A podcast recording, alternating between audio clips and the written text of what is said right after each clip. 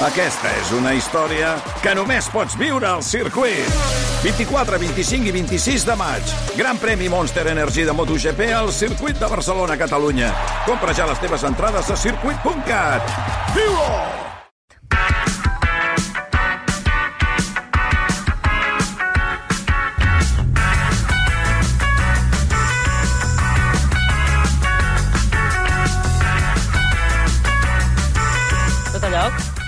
Ja sé. Sí, ah, no, és que la Candela sempre per començar té problemes amb els auriculars. La Candela no, sembla que però, just comenci ara a fer Candela, ràdio. una cosa, tens uns auriculars Aquests no just funcionen. aquí davant. Mira, es nota que no són tu, tu els que te'ls has de posar. Però què dius que no aquests funcionen? Sonen, ai, sonen malament, mm, però bueno, va, ja et crec Per què que sonen malament? Espera, a veure, perdoneu, eh? Perquè fan com uns sorolls de... A veure. Veus? Ara no estic sentint res. És que jo estic sorda. Va, mira, doncs Va. mentre et vas posant els... Bueno, Anna Pris, què tal, eh? Bona Molt nit. bé, bon- Eh, bona nit, bon vespre, ja Mentre està la Candela es va situant, uh, comencem el No s'ha parlat prou d'avui, que ja anem prou tard. Uh, Anna Pris, de què no s'ha parlat prou? Doncs mira, avui, si uh, m'ho permeteu, em posaré seriosa una estona perquè volia recordar que aquesta matinada eh, hem sabut de l'execució en ple carrer de Majid Reza Ranavan, un noi de 23 anys eh, de l'Iran que havia participat en aquestes manifestacions que van començar just fa 3 mesos eh, arran de la mort de Masha Amini, aquesta noia de, de 22 anys que en teoria portava el vel Mal posat. mal posat i va acabar morta. El van detenir el 19 de novembre, l'acusaven d'haver mort a ganivetades dos membres de la milícia paramilitar Bajik i no va tenir dret a un eh, advocat defensor. Van trigar 10 dies eh, això així de ràpid, a, a condemnar-lo a mort.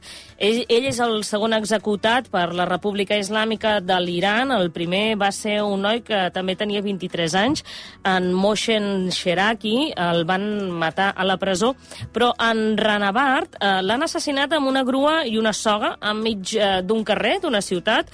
És la segona ciutat més, eh, més gran en població de l'Iran, Meishat, que es troba a uns 900 quilòmetres a l'est de, de Teheran, i eh, és aquesta història de, de, sents per la ràdio, però escolta'm, que segueixen matant gent eh, al carrer. Potser... Sí, realment, eh, no sé si haureu tingut l'oportunitat de, de veure o no aquesta imatge, però jo sí que corria i estava als mitjans de comunicació també, no? Aquesta imatge mm, realment impactant de com executa una, una persona en un lloc públic amb una grua altíssima, no? I com pengen aquesta persona i mort a ulls de tothom, no? Allà com de Sí. manera exemplificadora, també. Això ens eh, remet a, l'edat mitjana o a altres èpoques, perquè també doncs, el segle XIX havia passat a casa nostra, però estem parlant de, de, del segle XIX, èpoques en les quals, doncs, eh, quan no hi havia futbol, això es deia, doncs, la gent anava a entretenir-se doncs, eh, observant com mataven algú i potser tenien una parada de xufles i et menjaves les xufles i tota la història queda tan lluny, això, i és increïble que avui en dia encara passi i Tu ho sents per la ràdio al matí o ho veus a la tele o ho veus eh, per internet i la qüestió és, i què fem? No, no estem fent res, eh, des de la comunitat internacional no es pot fer res. Hi ha molts països en els quals eh, la pena de mort encara existeix avui en dia. Un d'ells, per exemple, sense anar més lluny, als Estats Units. I aquí mm, tot fatal, però clar, fer-ho a la plaça de, del poble... Mira, fa uns anys eh, vaig estar a Aràbia Saudita i recordo que quan eh, doncs mira, parar a, a Qatar, a Doha, i ens eh, van, canviàvem d'avió i ens van eh, entregar un document, un paper, en el qual ens deien que vigileu perquè a la que entreu a Aràbia Saudita eh, podeu, eh, doncs, si us troben amb drogues, si us troben amb alcohol, amb una cervesa, amb el que sigui, podeu ser condemnats a morts i a mort, perdoneu, i eh, si et condemnen a mort, segurament serà a la plaça del poble i algú que amb una espasa eh, et tallarà el coll. Això, amics meus, eh, segueix passant en ple segle XXI i no sé si des d'Europa, si des de les institucions que, que proclamen la llibertat, la democràcia, hauríem de, de fer alguna cosa més enllà de simplement eh, recordar-ho a, a les notícies, perquè està passant avui en dia, ha passat eh, aquesta matinada i seguirà passant perquè hi ha molts detinguts en aquestes manifestacions a l'Iran i són gent, són gent jove, és igual, encara que tinguis 80 anys, que s'estan, doncs, eh, s'est- s'estan eh, patir, estan patint, perquè mm. segurament moriran enmig del carrer, mm, amb una soga, en un altre país pot ser a través d'una espasa. Home, no sé, que algú digui alguna cosa, no? En fi, doncs avui que volíem el No s'ha parlat prou, començar parlant de l'execució al mig del carrer d'aquest jove de Magid Reza Rahnavard, un noi de, de 23 anys que va participar a les manifestacions que hi ha a l'Iran.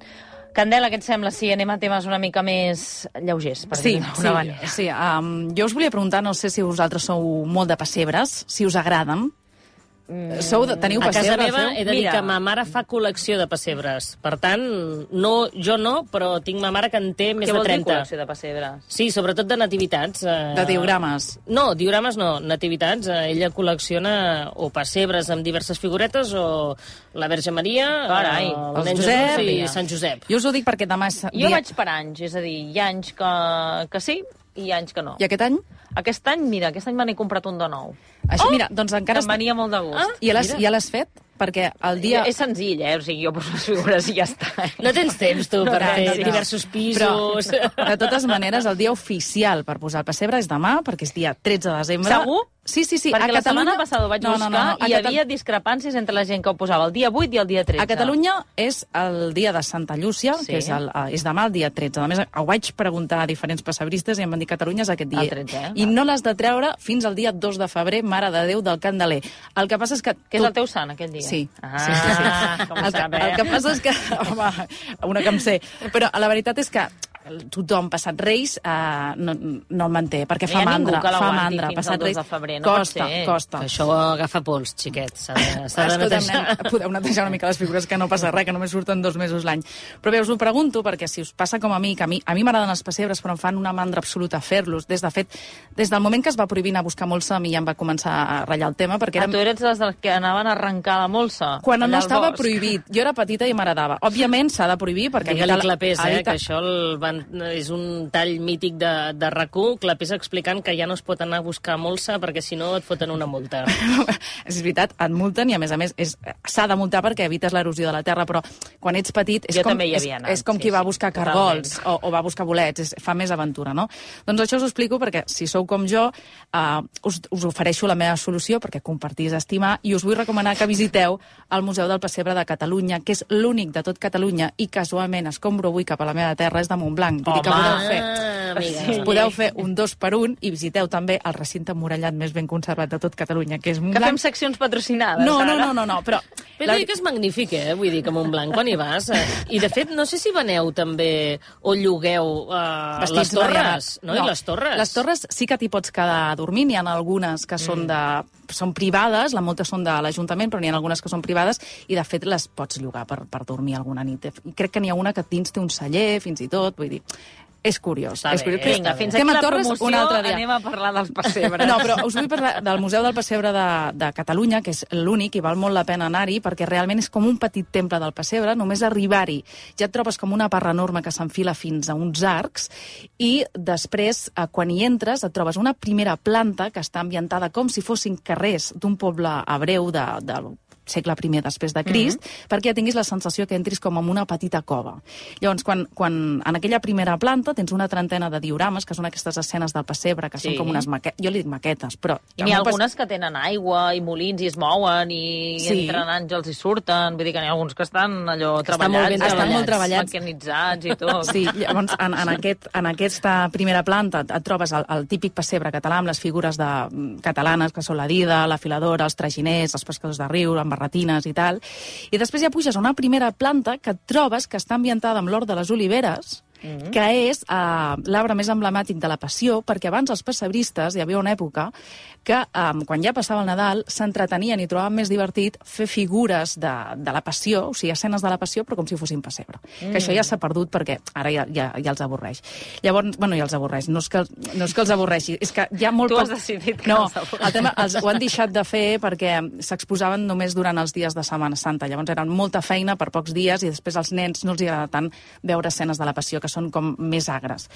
Aleshores, en aquesta planta hi trobeu com això, el que us dic, aquestes escenes de la passió, i està ambientat amb 12.000 punts de llum, llumetes, estels... Sí, és com un tronc. Està, la veritat és que, és que està, està molt bé. I després hi ha una tercera planta, que hi ha un pessebre de clics, de Playmobil, que per qui us agradi doncs, teniu els clics, i també ha diorames de Joan Mestres, que és la Rosalia dels pessebristes. Ah, mira. és la nostra Rosalia, perquè és la figura internacional... Sí, jo és que no ho sabia, però em vaig informar Per fer la comparació trobo que... que és el català més internacional. Ah, que sí? És el català més internacional que tenim de fer pessebres i que és capaç de representar, era capaç de re- representar amb 5 centímetres de profunditat una perspectiva de 15 quilòmetres. Vull dir que els diorames que té són bastant Que, espectaculars. Ana Pris, et sembla que es mereix el qualificatiu de la Rosalia? Segurament, home, jo això no t'ho sabria fer, eh? vull dir que sí, sona bé, s'ha de, s'ha de veure això. I jo l'altre dia, parlant amb, amb el director del museu, em va explicar que el pessebre va néixer a Itàlia. Aleshores, primer va néixer en els convents, després va anar als palaus, finalment a les cases, i va ser Carles III que va decidir exportar-lo cap a Madrid. Però què va passar? Que arriba a Madrid i no tenia bons pessebristes. Els escultors de figures petites no estaven a Madrid, estaven a Catalunya. I en concret estaven a Olot. I llavors ens va cridar als, als, als els escultors d'aquestes figures petites i per això a, a fer pessebres i per això a Catalunya tenim tanta tradició amb, amb, fer- som dels més bons, a més a més, en fer pessebres així en perspectiva i per això la Fira de Santa Llúcia també és tan important perquè anaven a vendre els pessebres, les figures de pessebres um, preparades per Nadal aquí, Carai, a Barcelona. tu, això no ho Ah, sabíem, Vull dir que eh? aneu al Museu del Pessebre de Catalunya, que hi ha mil figuretes, 250 diorames i, i a més em trobareu a mi per allà fent una cerveseta pel, pel Montblanc. Ah, tam Anna, també, No, no, anava a dir dins- museu, dins també es pot, no. carai. Ah, Han fet un museu, potser sí. bar... No, però la veritat és que bé perquè, està bé perquè és l'únic de Catalunya i es coneix, es coneix molt poc. Què t'ha semblat, Anna Pris? M'ha semblat molt bé, hi haurem d'anar, i a més eh, em va perfecte per, per parlar del tema que volia comentar avui, també perquè la Candela parlava de Carles III. Jo també us volia parlar de Carles III perquè Carles III, en aquest cas de la Gran Bretanya, Anava a perquè dir, ha, ha, ha presentat, aquest diumenge va presentar... Doncs, Carai, tu, el- que ben lligat, això. el que és no la pot seva- Ser, no pot ser que hi haguem passat de tema. La primera postal de Nadal que, que presenta com a, com a rei, eh? juntament amb, amb Camila, no sé si l'heu vista. Jo No, aquí, no l'he vist, a veure. Ballonesta t'he fet Ai, una, sí. una foto, és uh, doncs una fotografia de, de Carles de... De perfil, no? Sí, de perfil, amb Camila mirant-lo. La Camila està... no surt molt la favorida, no? A veure, ell està enfocat, ella està desenfocada, però se la veu que el mira amb estima, eh, que això, vull dir, no, no, no, no és una mala foto. Candela, què et sembla? No, està, està bé i crec que aquesta foto se la van fer abans de que es morís la reina, per això estan Sí, somrients. sí, perquè encara no era, no era rei i reina Per això consort. estava feliç, perquè aquest després de ser quan és rei ja tot li pesa. A- a- Aquí m'he volgut preguntar, vosaltres eh, sou gent de, de postal de Nadal, sí o no? A veure, De fer-ne o de que me n'enviïn? No, de, a veure, de, de, de que te n'enviïn no, no, és, no, no és decisió teva. Mira, reconec que fa molts anys que no, que no em faig cap, que sí que n'havia fet quan era més petit, així per la família i això, Mhm. però que em fa il·lusió rebre'n.